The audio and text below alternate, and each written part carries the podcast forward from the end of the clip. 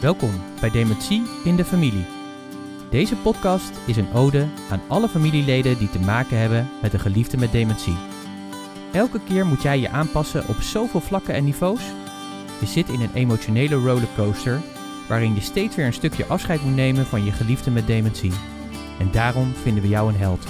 Ga maar aan staan. Deze podcast is er speciaal voor jou. Om je te inspireren, motiveren met tips en tricks, het echte verhaal, zowel de pijn als de humor, maar vooral een plek van herkenning. Fijn dat je er bent en luistert. Welkom bij Dementie in de Familie. In deze aflevering bespreken we vijf dingen waar je op kunt letten bij de keuze van een verpleeghuis voor jouw geliefde met dementie. Fijn dat je luistert naar deze aflevering van de Dementie in de Familie podcast. En we beginnen altijd met het dementie-momentje van de week. En ja, het dementie-moment van de week staat eigenlijk ook al in het teken van deze hele aflevering. Ja, dat klopt, want in de afgelopen week zijn eh, mijn tantes en oom en mijn vader hard op zoek naar een eh, geschikte woning voor zowel mijn opa als mijn oma. Dus dat is weer een nieuwe stap ook in dat proces van eh, ja, dementie in onze familie. Ik maak het dit keer van net iets minder dichtbij mee, omdat er hier en nog een generatie boven mij zit die eh, dit allemaal eh, oppakt. Maar het is mooi om te zien hoe ze dat met elkaar ook doen en hoe ze op zoek gaan naar de beste plek eh, voor mijn opa en oma. En dat gaf ook de inspiratie om deze aflevering van vandaag te maken en ja, te bespreken waar let je nou eigenlijk op bij iets wat s- soms een hele logische keuze is. Bijvoorbeeld bij mijn opa en oma kan het gewoon niet meer langer zo. Maar soms ook een hele moeilijke en verdrietige keuze is eh, die je maakt als ja, familie of eh, als eh, mantelzorger. Ja, en dementie is er overal, in alle lagen van de bevolking. Eh, ik las van de week ook een post op de NOS dat eh, Bruce Willis, bekende acteur van onder andere Die Hard en eh, al dat soort actiefilms, dat hij ook een vorm van dementie heeft. Hij was al een tijdje geleden ineens gestopt omdat hij ja, moeilijk uit zijn woorden kon komen. Zijn familie heeft onlangs naar buiten gebracht dat Bruce Willis lijdt aan frontotemporale dementie. Dus dat is vooral dat je Ja, de kwap in je voorhoofd wordt daarbij aangetast. Ja, waardoor spreken of dingen he- heel ingewikkeld worden. En, En, heel veel ongeremd gedrag. en heel veel ongeremd, ja, inderdaad. Dus zo zie je ook maar dat iedereen, eh, ja, die kan ermee geconfronteerd worden. En wat ik wel mooi vond, is dat de familie ook het bewust wel naar buiten heeft gebracht. Ook om er aandacht aan te besteden. En dat is natuurlijk ook, eh, denk ik, gewoon goed om ja, op deze manier ook eh, dit in de picture te brengen. Zodat ook anderen ja, zich daar bewust van worden. Ja, we gaan het hebben over hoe kies je nou een verpleeg- of verzorgingshuis voor je geliefde met eh, dementie. We willen je daar graag een aantal eh, handvatten voor meegeven. En wat we ook willen doen is dat we niet alleen willen kijken naar die praktische handvatten, maar ook even naar die emotionele kant. Want er zitten twee kanten aan dit eh, verhaal. Er kan een moment komen dat thuiswonen gewoon helaas niet meer gaat. En ja, dan wil je natuurlijk dat je geliefde naar een plek gaat waar hij of zij zich thuis voelt. En waar jij het gevoel hebt dat hij of zij ook thuis is. En ja, daar komt gewoon een hele hoop bij kijken. Alleen al dat moment ja, dat je weet dat dat gaat komen en dat je op een gegeven moment ook ja, niet anders kan om daar ook serieuze stappen in te nemen. Nou ja, we hebben dat natuurlijk nu al twee keer meegemaakt eh, met mijn vader en mijn zus. En nu de derde keer dan met eh, jouw opa en oma. Ook mijn opa en oma natuurlijk. Ja, dit, dit is echt zo'n stap. Want het is ook de stap waarvan je weet, ja, dit is ook echt de laatste fase in het levensproces van de persoon. Dit is de laatste woning die je voor hem of haar uitkiest. Dat is best wel heel ingrijpend. Sowieso is het een ingrijpende beslissing om, zeker als het bijvoorbeeld je partner is, iemand uit huis te plaatsen. Want dat is eigenlijk natuurlijk wat het is, voor, om een betere zorg te kunnen geven. En toch, hoe moeilijk het ook is, soms is het toch echt de beste optie. eh, zeker ook voor jou als eh, mantelzorger. Zelfs al zou je tot het einde voor iemand willen zorgen. En heb je dat ook aan jezelf en aan de ander beloofd? Uh, er komt misschien toch een moment dat het ook voor jou of voor jullie als familie te veel kan zijn. Of dat je denkt, ja, iemand komt toch echt ja, op een punt dat het niet langer meer kan zo. En je zei net al, verpleeghuis, verzorgingshuis. Um, eigenlijk is de stap dan die je maakt dan naar een verpleeghuis. een verpleeghuis en een verzorgingshuis. Ik haal het altijd door elkaar, maar het is toch echt een andere type eh, afdeling of soms zelfs een hele andere type instelling.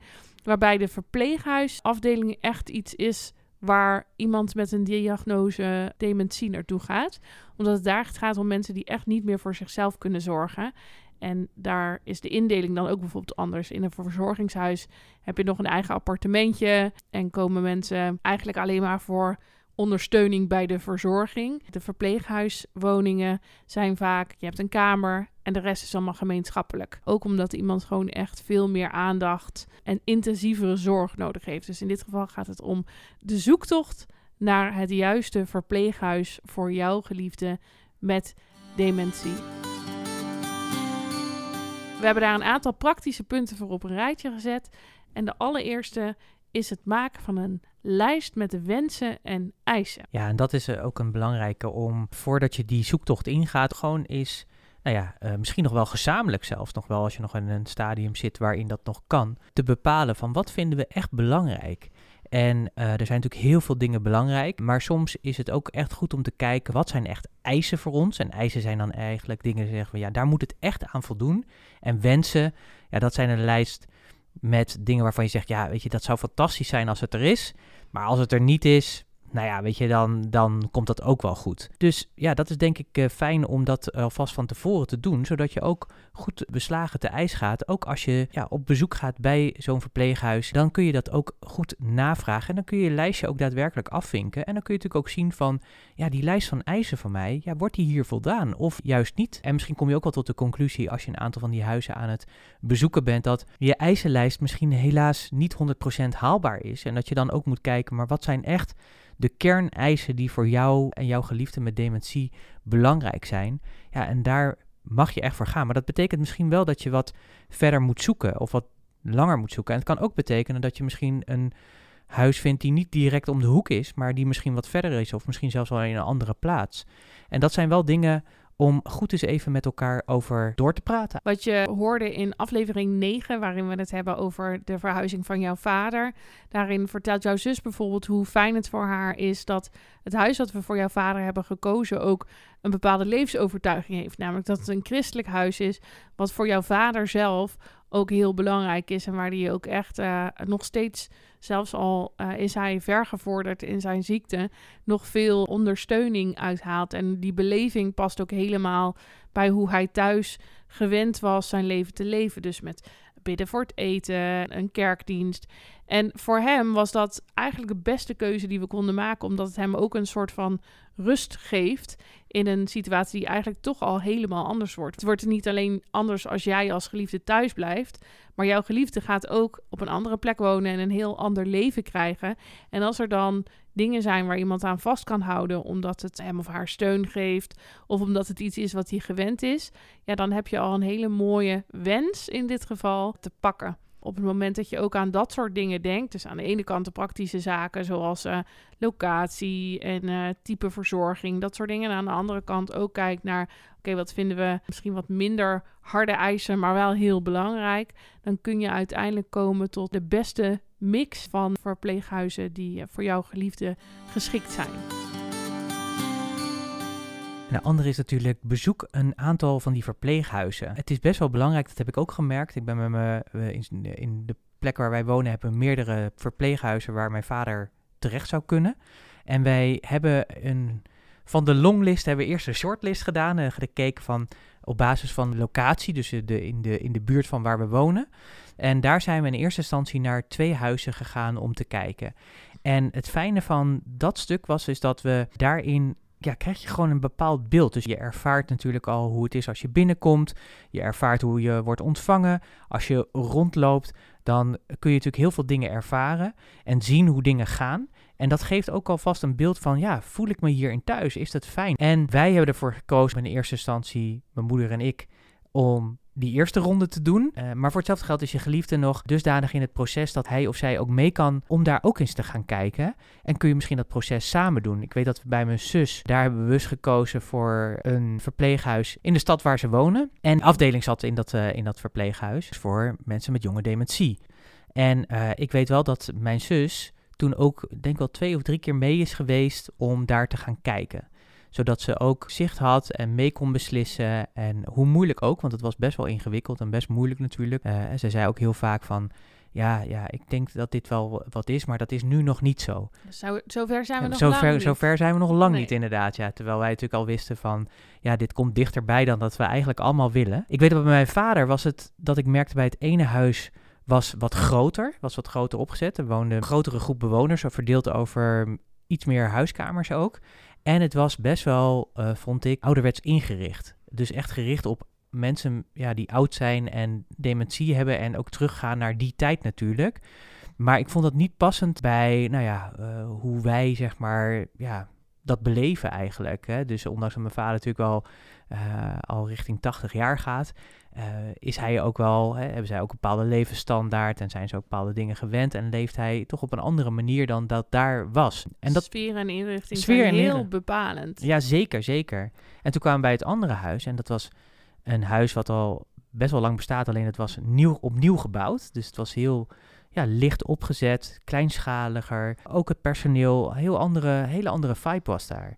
En ja, voor ons was dat eigenlijk al heel duidelijk van, ja, dit is de plek ja, waar mijn vader waarschijnlijk zich thuis zou voelen. En ik weet ook nog wel dat we met mijn vader gingen kijken om nou ja, hem mee te nemen. En dat hij ook, hij mocht ook natuurlijk in een kamer van een uh, bewoonster kijken die net daar zat. En die was super enthousiast, dus dat was hartstikke leuk. Maar dat hij ook zei, ja, echt mooi, mooi hier zo. Ja, wat wonen die mensen hier mooi. En dat we ook wel probeerden dan, zeg maar, om die slag te maken van hoe zou je het vinden als je hier zelf zou wonen. Dat was wat lastig, dat was wat ingewikkeld, dat kon niet helemaal. Maar het feit dat hij zelf al aangaf van, hé, hey, het is hier fijn. En dat merken we nu ook nu die er zit, dat hij gewoon helemaal thuis is. Dus ga zeker ook, wij hebben dan bij twee gekeken, maar het is zeker aan te raden om twee, drie verschillende verpleeghuizen te gaan bekijken. Wat ik wel mooi vond om te horen toen jullie uh, het huis bezochten waar jouw vader nu woont, is dat uh, ze daar de filosofie hebben dat de bewoners, ja, hun kamer is hun huis. En verplegend personeel en verzorgend personeel is de gast in de woning van de cliënt. Dus dat is een hele andere benadering. Als je kijkt naar hoe je zoiets kan beleven, kan het natuurlijk zijn. Ja, zo'n verpleegkundige of uh, verzorgende komt binnen en buiten lopen wanneer hij dat wil. Maar wanneer je echt zegt: nee, ik ben te gast bij de bewoner is dat een andere benadering. Dus dit zou bijvoorbeeld iets kunnen zijn wat je mee kunt nemen op je wensenlijstje. Want dit gaat over cultuur en sfeer binnen een huis. En als je daar niets over hoort, kun je daar bijvoorbeeld ook naar vragen. Hoe gaan jullie daarmee om? Bedenk dat de verhuizing voor jouw geliefde sowieso een ja, best wel een inbreuk op iemands privacy wordt. Je, geliefde gaat naar bed en eigenlijk kan er zomaar s'nachts iemand even binnenkomen lopen om te kijken of jouw geliefde slaapt. Dus om dat, gevoel, dat thuisgevoel ook echt te creëren, is het zo belangrijk om die verschillende sferen ja, te proeven eigenlijk in uh, verschillende tehuizen die er zijn. En bij ons heeft de case manager daar ook heel erg bij geholpen bij het maken van die shortlist. Die zei ook, nou, als ik jullie een beetje zo inschat, dan zou die daar wel goed kunnen passen. En er was bijvoorbeeld een huis wat veel dichterbij was, eigenlijk bij wijze van spreken op steenworp afstand van uh, uh, waar jouw ouders woonden. Maar uh, dat was heel groot en daar was hij ook al naar de dagopvang geweest en dat vond hij zelf niet prettig genoeg. Dus het was een hele logische keuze om daar ook niet naartoe te gaan en die niet eens mee te nemen in jullie ronde met bezoeken. Ja, dus die visie op zorg, dat is echt wel eentje om ook mee te nemen en zeker naar te vragen op het moment dat je daar langs gaat. Wat ook kan helpen bij de keuze voor een verpleeghuis is om je heen vragen of er misschien mensen zijn die ervaringen hebben met bepaalde huizen. Je zou uh, dat kunnen doen in je eigen vriendenkring of familiekring. Maar soms kan het ook zo zijn dat ze binnen de verpleeghuiswoningen uh, mensen hebben waarvan ze zeggen: Oh ja, als je dat wil, dan kun je met deze mensen wel contact opnemen. Op die manier krijg je ook vanuit weer een andere kant de uh, invalshoek van hoe het bevalt om ergens ook als familie op bezoek te komen of als uh, geliefde jouw partner bijvoorbeeld weg te brengen. Ja, want ik merkte ook bij mijn vader bijvoorbeeld, daar waren al meerdere mensen die mijn moeder had gesproken vanuit de kerk waar ze lid eh, bij is en de verenigingsleven wat daarbij hoort en leeftijdsgenoten die ze daarin heeft dat ja, mensen best wel enthousiast waren ook over dat huis. Dat ze, ja, dat ze daar best wel goede ervaringen mee hadden. Dus dat was ook iets wat niet alleen sterkte toen we er waren, maar dat werd ook nog eens bevestigd uh, toen we er waren. En nu zeker, nu we er zitten, denken we ook, ja, dat klopt inderdaad. Dat is wat die andere mensen hebben ervaren, dat ervaren wij ook. En dat is natuurlijk heel erg fijn. Heb je dat nou, nou niet direct in je omgeving? Dat kan natuurlijk. Dan kan je natuurlijk ook kijken van, kan ik dat ergens opzoeken? Dus je zou bijvoorbeeld dan ook kunnen gaan een keertje naar een Alzheimer café, waar natuurlijk mensen die ook te maken hebben met een geliefde met dementie zijn. En ook daar kan je natuurlijk eens wat rondvragen. Want dat heeft natuurlijk ook een netwerk die lokaal heel sterk is. Dus maak daar zeker gebruik van, eh, zou ik zeggen. En een ander ding waar je ook op kan letten is de expertise van een huis. Ja, want zeker wanneer jouw geliefde te maken heeft met een specifieke vorm van dementie die minder vaak voorkomt, of in het geval van jouw zus ook uh, ja, iemand met jonge dementie, is het fijn om te weten dat er op aangesloten kan worden door het verpleegd en verzorgd personeel binnen het huis.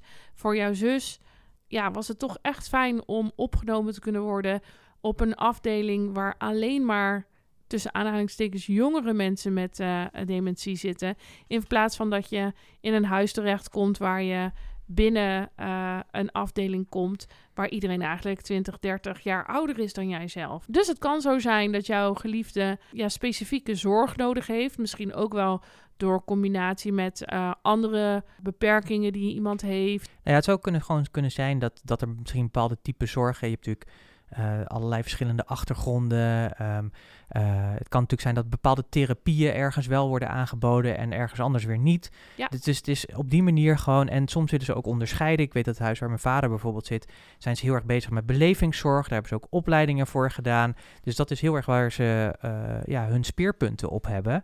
En dat kan natuurlijk ook een hele mooie kant zijn. Dus we hadden het natuurlijk net al even over uh, geloofsovertuiging. Dat kan natuurlijk eraan bijdragen. Maar ook, wat doen ze eigenlijk allemaal? Hoe actief zijn ze? Nou ja, weet je, er zijn verschillende aspecten wat belangrijk is om naar te kijken. En dat gekoppeld zeg maar met jouw eisen en wensen gaat je helpen om ook daarin het juiste huis te vinden. Wat we bij jouw zus zien is dat ze daar de keuze maken om de bewoners echt heel vaak mee naar buiten te nemen.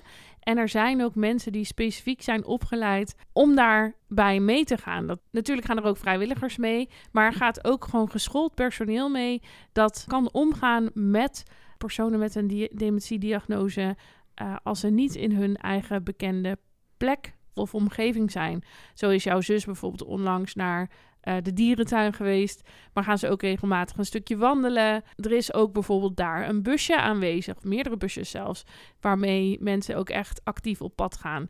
Dus als je dat belangrijk vindt, kijk dan ook uh, hoe daar de expertise dan bijvoorbeeld is. Bij jouw vader is dat veel minder. En ligt de focus weer op andere dingen. Een onderwerp wat minder te maken heeft met sfeer en wensen en eisen, maar wel heel belangrijk is, is om te kijken naar wat kost het eigenlijk om uh, mijn geliefde op te laten nemen in een verpleeghuis? En zijn er nog vergoedingen voor? Wat betekent dat voor eigen bijdrages? Uh, Pieter, daar kun jij vast meer over vertellen. Ja, want op het moment dat ja, je geliefde naar een verpleeg- of verzorgingshuis gaat, gaan er ook de financiële geldstromen anders lopen. Je komt dan te maken met de wet langdurige zorg. Nu is het vaak dat de case manager en dat soort dingen, als je geliefde nog thuis woont, dat dat vanuit de WMO, vanuit de gemeente wordt uh, betaald. En het is natuurlijk ook afhankelijk van heel veel verschillende facetten. Dus je hebt natuurlijk vanuit de overheid een aantal bijdragers geregeld. Dat hangt heel erg van je persoonlijke financiële situatie af. Je hebt daar allerlei berekeningen voor. Dat kun je ook allemaal laten doen. Dat kun je op allerlei sites eh, doen. En ik denk dat het belangrijk is als je hiervoor staat, dat je dit ook eventjes goed bespreekt, ook met je case manager. Het wil niet zeggen dat de case manager dat altijd voor je kan doen, maar die kan je wel wijzen op verschillende onderdelen en wijzen ook op de site, zeg maar, waar je dat kan berekenen.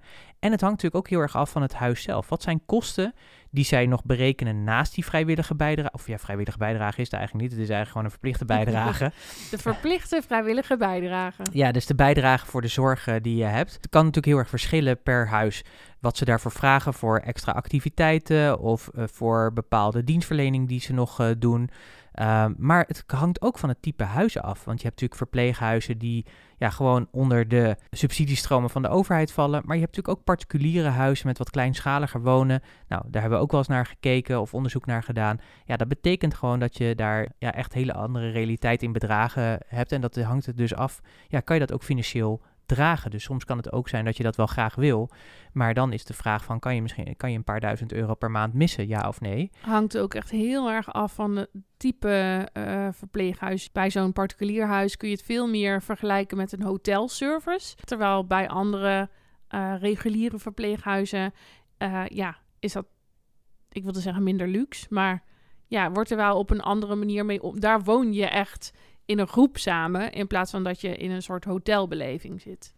Ja, en, en dat heeft natuurlijk ook weer met die wensen en eisen te maken. En kan je dat ook dan weer financieel dragen? Daar zal het ook mee te maken hebben. Uh, maar er zijn echt wel wat uh, verschillen. Dus um, laat je daar goed op informeren. Ook in het uit huis wonen, ook daar in die bijdragen zijn ook verschillen. Je kunt daar ook nog keuzes in maken dat je eigenlijk allebei apart woont. Of dat je toch nog wel, uh, hè, dat je geliefde wel op een andere plek woont maar dat hij nog wel ingeschreven staat op het huisadres van waar jullie wonen. En dat maakt ook alweer een verschil in, in eventuele financiële bijdragen. Uh, maar dit is echt een persoonlijke uh, situatie. Laat je dan goed informeren door de case manager, maar desnoods ook even met degene die eventueel de belastingaangifte voor je doet, uh, dat uit te zoeken. En als dat niet is, zorg dan dat je in ieder geval een belastingadviseur of een accountant of iemand hebt, zeg maar, die je daarbij kan helpen. Nou, dit soort dingen, daar is heel veel hulp bij te krijgen om te zorgen dat jij vanuit jouw financiële situatie de beste keuze ook kan maken in dat stuk. Je merkt al wel, het zomaar even kiezen van een verpleeghuis, daar komt een hele hoop meer bij kijken. Dit waren nog alleen maar een aantal praktische kanten waar we je mee uh, op weg willen helpen. Maar er zit natuurlijk ook echt een emotionele kant aan dit stuk. En dat is natuurlijk eigenlijk veel ingewikkelder. Ja, want het kan bijvoorbeeld uh, zo zijn dat je je schuldig voelt over het feit dat je jouw geliefde uh, niet meer thuis kan laten wonen. Of dat je bezorgd bent over of jouw geliefde wel de juiste ja, kwaliteit van zorg krijgt. Want wat dat betreft uh, is er één ding vaak wel te stellen. Als jouw geliefde bij jou thuis woont, krijgt hij de allerbeste zorg die jij aan hem of haar kan geven. Dat zagen we bij uh, bijvoorbeeld Pieters moeder. Uh, maar ik hoor het ook van andere uh, luisteraars aan de, in deze podcast terug. Dat ze zeggen, nou, we hielden hem of haar zo lang mogelijk thuis. Want dan konden we in ieder geval de allerbeste zorg voor iemand garanderen. En op het moment dat je dat los gaat laten of los moet laten, omdat je niet meer thuis die zorg kunt leveren, kan dat ja, best wel voor heel veel onrust zorgen. Want ja, hoe weet je nou dat die zorg goed is? Hè? En zeker in het begin zie je heel veel dingen die je niet bevallen. En die je niet gaan zoals uh, jij dat graag zou willen. Ja, en dat is, dat is dat stuk nog. Maar dan hebben we het nog niet over het gesprek aangaan met je geliefde. Over het niet meer thuis wonen. Ja, dat is ook een hele spannende. Um, ik merkte bij mijn ouders dat het. Ja, dat was gewoon zo'n proces waarin mijn vader steeds verder achteruit ging, waardoor hij daar zich minder bewust van was. Maar er zijn natuurlijk ook situaties waarin het helaas niet meer gaat, zoals bijvoorbeeld met mijn zus, maar die zich heel erg bewust is van het feit dat zij ja, echt naar een andere plek toe ging en dat eigenlijk niet wilde. Omdat, en soms ook nog niet inzag waarom dat moest.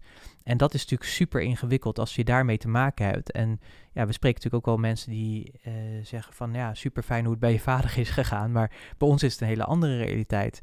Uh, onze vader of moeder wil juist elke dag weg. Uh, of is niet tevreden of blij zeg maar, met het feit wat we hem of haar geflikt hebben. Hè, mijn zus heeft ook wel eens aangegeven dat ze zei van ja, hè, ik ben hier maar mooi weggestopt, zullen we maar zeggen. Of ja, dit is niet mijn eigen keuze geweest. En dat doet natuurlijk heel erg zeer. Met name natuurlijk voor je geliefde, maar ook voor jezelf. Omdat je, ja, je wil niets liever dan diegene bij je hebben en houden. Maar op een gegeven moment komt er een punt dat dat niet meer gaat. En dit, dit aspect, uh, we kunnen natuurlijk heel makkelijk een, een, een, aantal tips geven over waar moet je op letten. En dan zie je altijd dat je daar best wel even over na mag denken. Maar dat andere aspect, die emotionele kant, en daarom hebben we natuurlijk ook bewust deze podcast, dat is natuurlijk het ingewikkelde.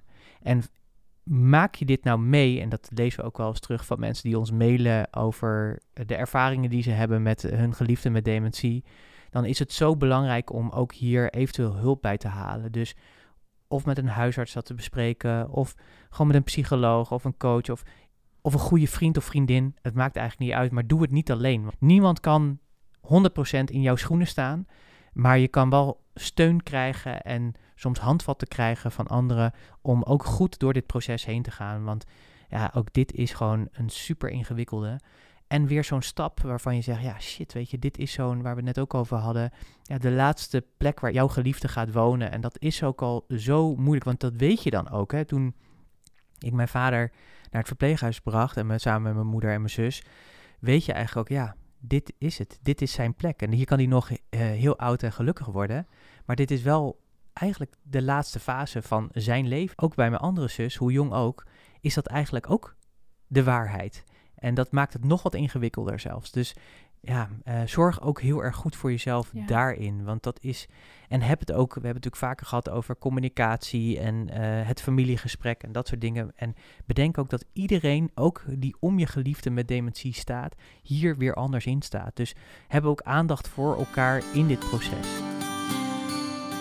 Fijn dat je weer geluisterd hebt naar een aflevering van Dementie in de Familie. Heb je een vraag aan ons of zou je graag een keer jouw thema behandeld willen hebben? Dat kan. Stuur dan een mail naar dementieinefamilie.gmail.com of vul het contactformulier in op onze website www.dementieinefamilie.nl. Want wij maken deze podcast dan wel, maar we willen dit heel graag voor jou doen. Vond je dit een waardevolle podcastaflevering en ken je mensen in je omgeving die ook te maken hebben met de keuze uh, waar deze podcast over gaat, namelijk het zoeken en vinden van het juiste verpleeghuis voor jouw geliefde met dementie, dan stuur natuurlijk deze podcast door en uh, deel het natuurlijk uh, van harte van harte uitgenodigd daarin. En heel erg dankjewel ook daarvoor, want daarmee verspreiden we ook ja, deze podcast natuurlijk en helpen we elkaar natuurlijk ook verder in deze rollercoaster waar we met elkaar in zitten. Om te zorgen dat je deze podcast kunt gaan volgen, ga ik je vertellen wat je kunt doen op jouw mobiele, telefoon om uh, onderdeel uit te maken van de club, om het zo maar even te zeggen. Zit je op Spotify, pak je mobiele telefoon en ga naar Dementie in de Familie. Als je op volg klikt, links onder het plaatje van de Dementie in de Familie podcast, nou ja, dan uh, uh, hoor jij als eerste wanneer er een nieuwe aflevering is. Als je dat gedaan hebt, ga dan naast het tandswieltje uh, aan de rechterkant heb je drie puntjes. En als je daarop klikt, dan kun je de show beoordelen. En wij zouden heel blij zijn met jouw positieve beoordeling van deze podcast. Want ook dat zorgt er weer voor dat meer mensen deze podcast ook gaan vinden. Mocht je deze podcast luisteren via Apple Podcast, ga dan ook weer naar Dementie in de Familie. Rechtsbovenin zit een plusje. Klik dat aan. Ook dan ben je een trouwe volger van de show. En onderaan kun je jouw beoordeling of recensie achterlaten. Dus je moet dan even langs de afleveringen en dan kun je laten weten wat je ervan vindt. Daarbij zijn wij heel blij mee, omdat uh, wij zien wel de statistieken van de aflevering, dus de aantalletjes, maar de waardering die we krijgen door middel van beoordelingen en recensies, uh, daar zijn we heel blij mee. Zeker als die komen via de mail. Dat kan namelijk ook als je denkt: ik vind dit proces allemaal iets te ingewikkeld. Dan kun je ook gewoon een mailtje sturen naar dementieinthefamilie.gmail.com. Uh, elke week ontvangen we weer nieuwe mailtjes van luisteraars die ons ontdekt hebben of die ons al een tijdje volgen. En uh, ja, daar worden we vaak heel stil van, omdat het ons laat beseffen dat we dit doen voor, uh, voor veel meer mensen dan we zelf doorhebben. En uh, dat de impact van deze podcast ja, ook veel groter is dan wij uh, soms zelf bedenken. Omdat we ja, met elkaar in hetzelfde schuitje zitten. Omdat je niet alleen bent als luisteraar. En op deze manier uh, ook uh, anderen kunt vinden die hier ook mee te maken hebben. Dus deel je verhaal gerust. Wij worden daar heel erg blij van. Deze podcast maken wij geheel vrijwillig. Mocht je de podcast waarderen en wil je hier een financiële bijdrage aan leveren, van harte uitgenodigd om te doneren via de website. Ga daarvoor naar dementieinefamilie.nl. Daar vind je een rode knop of het kopje doneren en kun je doneren. Alvast heel erg bedankt daarvoor. We zijn er heel erg blij mee. En op de website onder het kopje doneren vind je ook de reden en de uitleg wat we ermee doen en waarom we erom vragen. En voor al die mensen die al hebben gedoneerd de afgelopen tijd, heel erg dankjewel voor je bijdrage. Het doet ons heel veel en we doen daar mooie dingen mee. Dus merci, merci, merci.